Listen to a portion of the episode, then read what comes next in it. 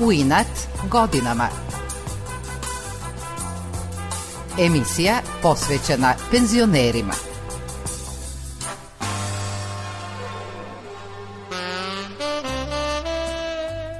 Dobro jutro. Evo nas ponovo zajedno subotom u 8.10 u emisiji U inat godinama. Dirigent, kompozitor, aranžer, muzički producent Jovan Adamov, čovek neverovatne energije, dokazuje da kreativnost ne poznaje granice ni godine. On je osnovao brojne manifestacije i festivale, ali je bio i učesnik muzičkih događaja u nekadašnjoj Jugoslaviji i inostranstvu. Podjednako je stvarao muziku za decu i odrasle, televizijska emisija za decu Muzički tobogan, koji je radio u saradnji sa voditeljem Minjom Subotom, emitovana je 19 godina na radio televiziji Vojvodine. Sa mlađim kolegama muzičarima priprema sličnu emisiju, ali u savremenijem ruhu. Od prvog dana u Radio Novom Sadu Jovan Adamov je bio kreativan i inovativan, a takav je i sada u svojoj 80. godini. On je formirao tamburašku filharmoniju jedinu u svetu, a Novosađani će 21. avgusta imati jedinstvenu priliku da prvi čuju i vide koncert te filharmonije. Međutim, to nije sve. Prvi svetski tamburaški mjuzikl Palo inje, pao sneg, bit će prikazan u februaru u pozorištu mladih.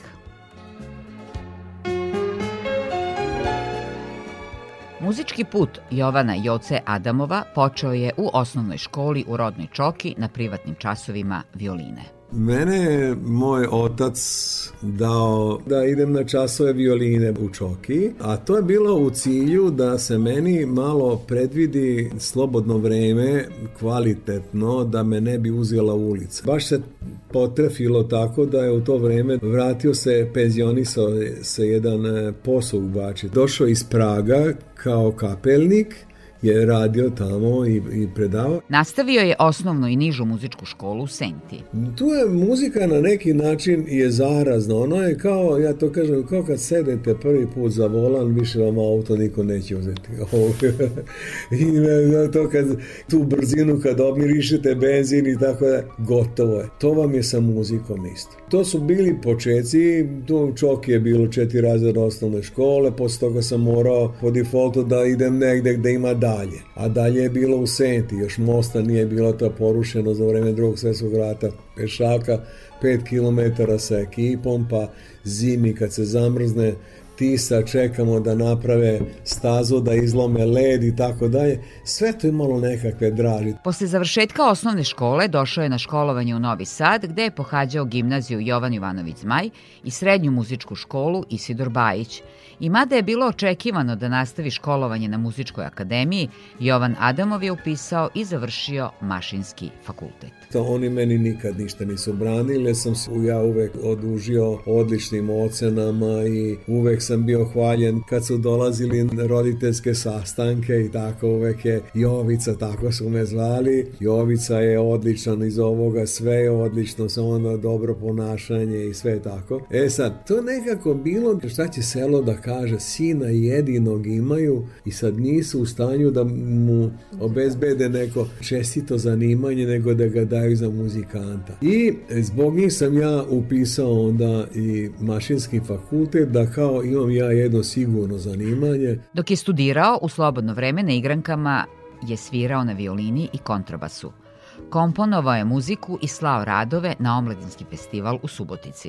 Čika Joška Kovač, tata od Kornelije Bate Kovače, jedan od osnivača tog festivala, pa sam čak i svirao u tom orkestru jedno vreme i svašta nešto bilo. I onda se mami i tati svidelo to da su ljudi kupili Mađarso ili dnevnik Novosadski, a ono slika tamo i duše malo maglovito ondašnja štampa kako je bilo i prepoznali mene i možete da budete srećni kako vaš sin, kako ovo, ono. Uprko svirkama i festivalima, Jovan Adamov je vredno studirao i postigao prosek 9,5. Pregovarao je već da ostane da radi na fakultetu kao asistent. Međutim, život mu je opredelio drugačiji put – Plesni orkestar Radio Novog Sada ostao je bez basiste koji je otišao u vojsku, a Jocu je na jednoj svirci uočio bubnjar orkestra Triva Petrović i sa šefom orkestra mu je prišao i promenio zanimanje u Vaze Stajića na Ćošku, studentski neki to centar je bio i u Rupi dole, tradicionalni džez se svirao. I odmah su mi Bogdan Dimitrijević James i on su mi prišli i kaže da li bi ja hteo sutra da dođem na audicija to nedelja bila. Ja njih dvojicu kad sam vidio, oni su bili ovako druga Tita da videte, da, da, da je prošla na metar od vas.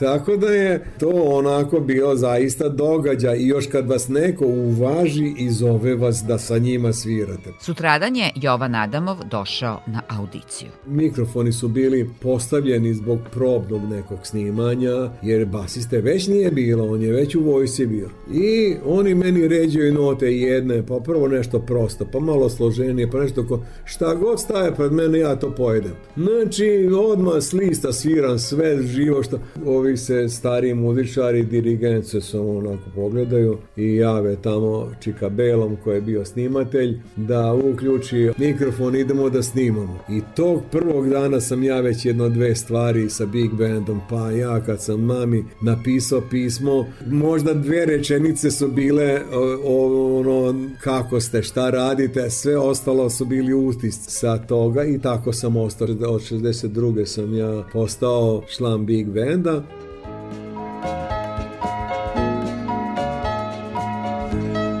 Nakon godinu dana basista se vratio na svoje radno mesto u Plesni orkestar Radio Novog Sada, a Joca je zadržan u redakciji.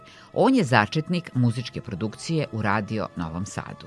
On je bio sjajan basista, Vlada Rebrek, izuzetan, ali je jednosmeran, samo džez i tačka. Meni šta god daš, ja svirao u svatovima, ja sam svirao na zabavama, svirao pop, komponovao sam pop muziku, svašta nešto, znači univerzalni praktiku i to je nedostajalo i tim bendovima Vlada je konkurisao u Ljubljanu i primljen i otišao za navek u, u Ljubljanski Big Band. Mene su jedan period vratili natrag dok na konkurs se neko nije pojavio. Jer sam ja na neki način ispao kao jako koristan i kao muzički producent jer do tada nije producent sedeo nastramo orkestra i kompetentno zaustavio zato što nešto nije bilo kako treba, a sve u interesu ostvarivanja boljih snimaka. Pre mene muzički producent nije kao zvanje postoja. ja sam dobio rešenje broj 1. I tako je počela se razvija muzička produkcija. Inače, od prvog dana dolaska u Radio Novi Sad, zavoleo ga je kao drugu kuću,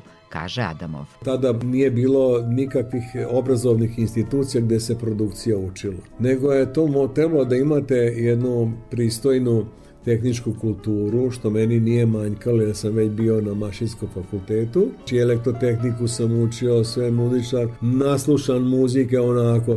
Znači, bez kučeta i mačeta, ja sam ceo dan u uradio, sve što nisam bio na fakultetu, bio sam u uradio. Tu sam imao i tuši hladnu i toplu vodu, a kod gazdarice me, me brojala sate kad uključim bojler. Tako da mi je to drugi dom bio. U to vreme, priča Jovan Adamov, u Radio Novom Sadu audicije za pevače su bile izuzetno rigorozne. Da bi se ušlo u taj tim povlašćenih koji će da budu u orkestru, tu su bile audicije. U to je vreme kada su postojali radio pevači, nisu bili pevači Jugotona, PGP, RTB, ne znam nija šta, Diskosa, bilo je i toga nešto, ali status radio pevača je govorilo da je on zaista baba, da je on u toj profesiji dokazan. I bilo je tako. Znači nije bilo playbacka. Podrazumevalo se da iza vas stoji orkestar, a da pevač stoji ispred i peva na mikrofon.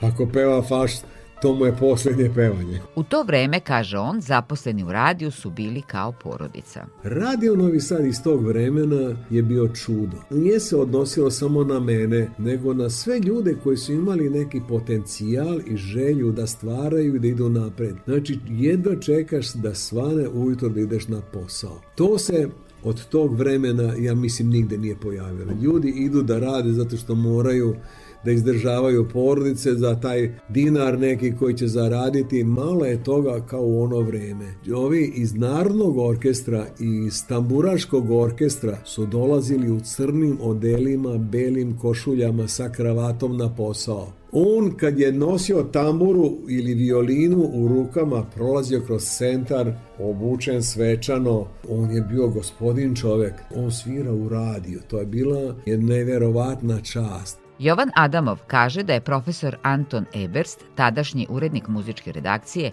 vinuo Radio Novi Sad u festivalski svet. Profesor Eberst je bio veliki čovjek, animator u oblasti kulture, on je zadužio Novi Sad i radio Novi Sad i Novi Sad. On je započeo i Nomus i jazz festival nekadašnji, onda po festival Podunavski zemalja. Mi smo kopačići išli za njim samo da realizujemo sve to. Naravno, sticalo se iskustvo. Osim što je bila čast raditi u Radio Novom Sadu, vladala je i kolegijalnost. I nije bilo šanse da me neko zamoli za nešto ili obratno da ja za nekoga zamolim za neku informaciju, za neku pomoć, da nije priskočio. Spomenuo sam festival podonavskih zemalja. Ja sam bio odgovorni urednik produkcije zabavne muzike. Znači to se mene nije trebalo ticati. Ali je to bio projekat iza čega je stajala muzička produkcija. Svi mi i sekretarice i organizatori i pomoćnik i, i pomoćni radi, svi smo ko jedan išli da rešavamo probleme za svako je bilo posla. Međutim, Jovan Adamov nije pomagao samo kolegama, nego i svima kojima je njegova pomoć bila neophodna, kaže njegova čerka, pedagoškinja i dirigentkinja u srednjoj muzičkoj školi Isidor Bajić, nekoliko gradskih horova i najpoznatijeg Sveti Stefan Dečanski, Tamara Adamov Petijević i meni moji učenici ili poznanici, kolege mlađe e, ili moje generacije u nekim raznim kontekstima i razgovorima kažu koliko im je oca pomogao. Recimo, jedna režiserka vrlo poznata i već priznata, renomirana, kaže, ne bi se bavila muzikom nego u osnovnoj školi, jer i oca bio baš da, da li neku priredbu priredio ili pratio nešto i e, rekao učiteljici tadašnje, kaže, ova mala ima odličan sluh, ona neku pesmicu pevala. I toga, toga na dnevnom nivou čujem. Da ljudi koji me pomogu, ili samo tako jednom rečenicom, ili ih je pratio godinama pa ih podržao, ili možda nekog odgovorio od toga i to je jako važno da nekom kažete stanite, niste za to. Ja sam jako ponosna na njega zbog toga.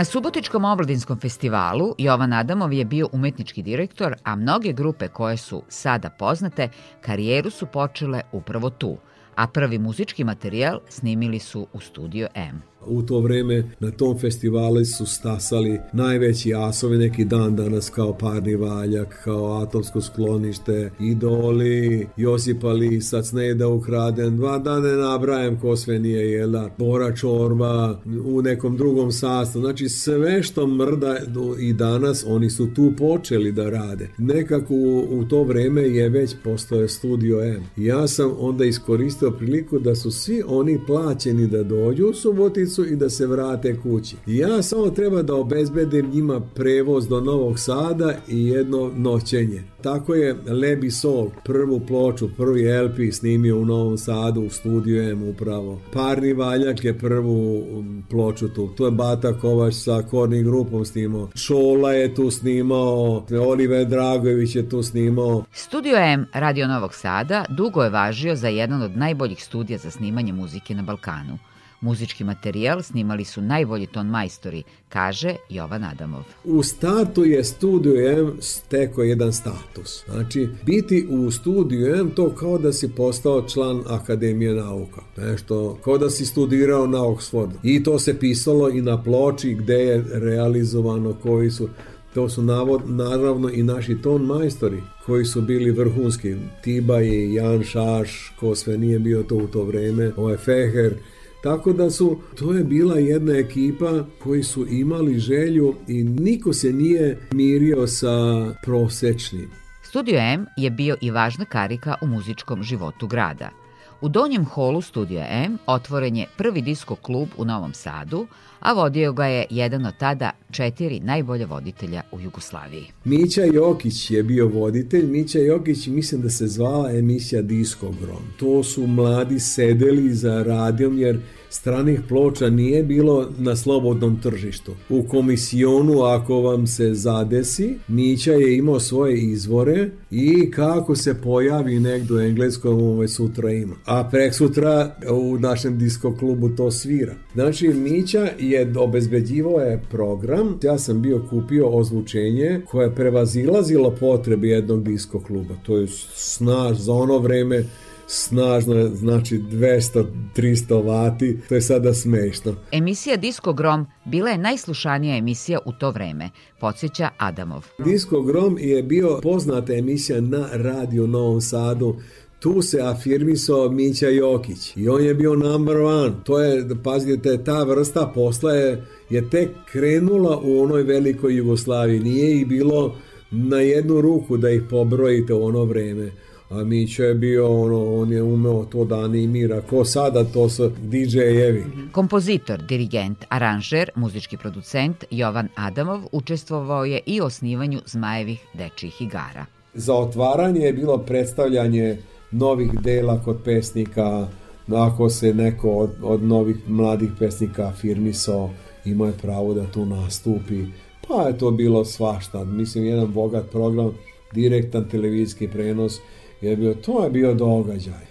Svečano zatvaranje Zmajevih igara je bio show program, znači deči horovi, nove pesme, popularne već pa one koje su se pevale u zabavištima, u školama, malo se afirmišu klinci koji su postigli nekakve uspehe na inostranim festivalima i tako to. Pošto su na festival Zmajeve deče igre dolazila i deca iz čitave Jugoslavije, dugogodišnji direktor festivala Rade Obrenović osmislio je dnevne aktivnosti za male goste našeg grada. Ulica Rolije e, je bio nazov za ulične te programe, ulične čarolije, da tu idu i, i gutači plamena i cirkusanti i ra, raznorazni mađioničari onda tu neka kolona pod maskama nešto naga za najbolje maske i tako to tako da je to trajalo to je bilo senzacionalno znači od popodne negde od 3-4 sata popodne do uveče do 10 nema zaustavljanja To su bile zmajeve igre nekad. Za Radio Novi Sad bili su značajni koncerti u studiju M u okviru Evropske radijske unije, kaže Jovan Adamov. U vreme, to zlatno vreme radio televizije, bila je već radio televizija. I za Evropsku radijsku uniju smo radili koncert ozbiljnjaka, koncert rokera, bendova, koncert džez muzike, i etno su zvali, nije narodnjački nego etno muzika. Tu su se isekli na naš tamburaški orkestar. Prvi put su čuli da, da tamburaški orkestar svira Mozarta i ne samo narodnjake. Da. Opleli su oni veliko bačko kolo, to furiozno onako, ali su svirali jedan univerzalni repertoar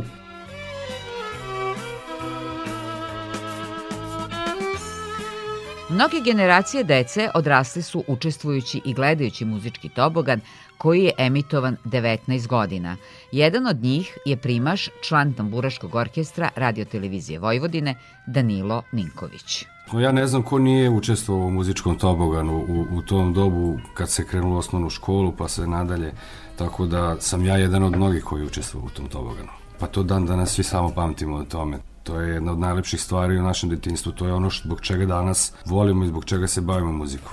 U želji da novim generacijama dece ulepšaju detinjstvo, Jovan Adamov, kao jedan od autora muzičkog tobogana i muzičar Danilo Ninković, imaju sličan, ali savremeniji projekat. U ovim sadašnjim vremenima takvih TV formata nema, ne postoji uopšte, čak što više ni koncepti takvi kakvi su onda negovani ne postoje i ne postoji ideja uopšte u, u, u tom smislu da se tako nešto i pokrene.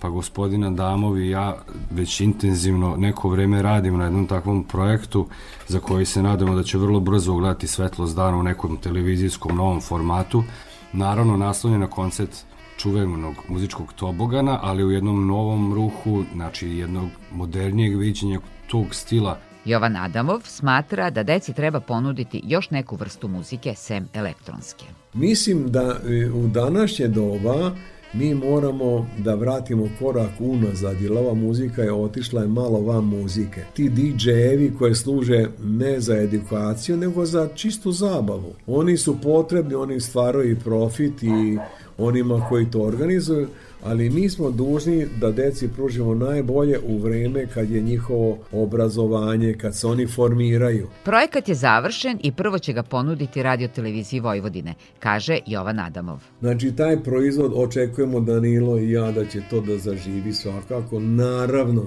A ako tu ne prođe, nećemo mi čekati sledeću godinu, nego ćemo nuditi dalje, jer već imamo ponud. Pazite, iz ove sobe priča nije izašla, a pročulo se da postoji ideja.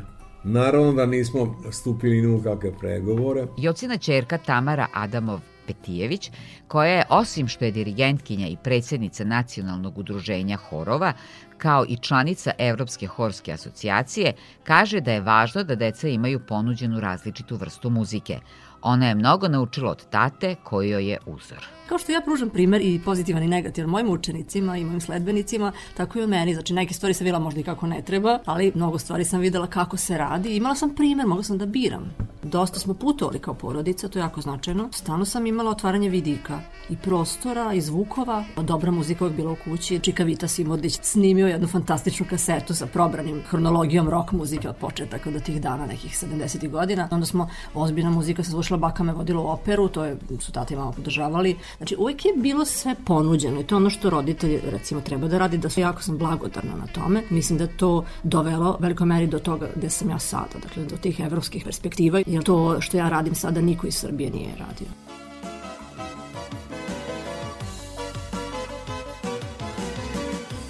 Naravno, Jovan Adamov ima još projekata koje ostvaruje u ovoj i narednoj godini – Osnovao je prvu tamburašku filharmoniju u svetu, a novosađani će 21. avgusta biti u prilici da prvi čuju kako zvuči ta filharmonija.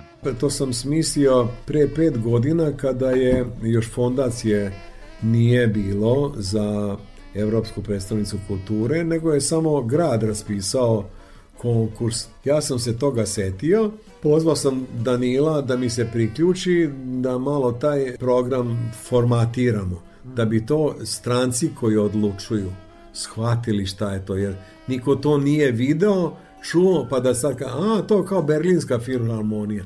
Da, jeste, samo što ne sviraju violine, da viole, čela i basovi, nego sviraju tamburaške instrumente. Adamov nikada nije besposlen, komponuje, piše, aranžira muziku.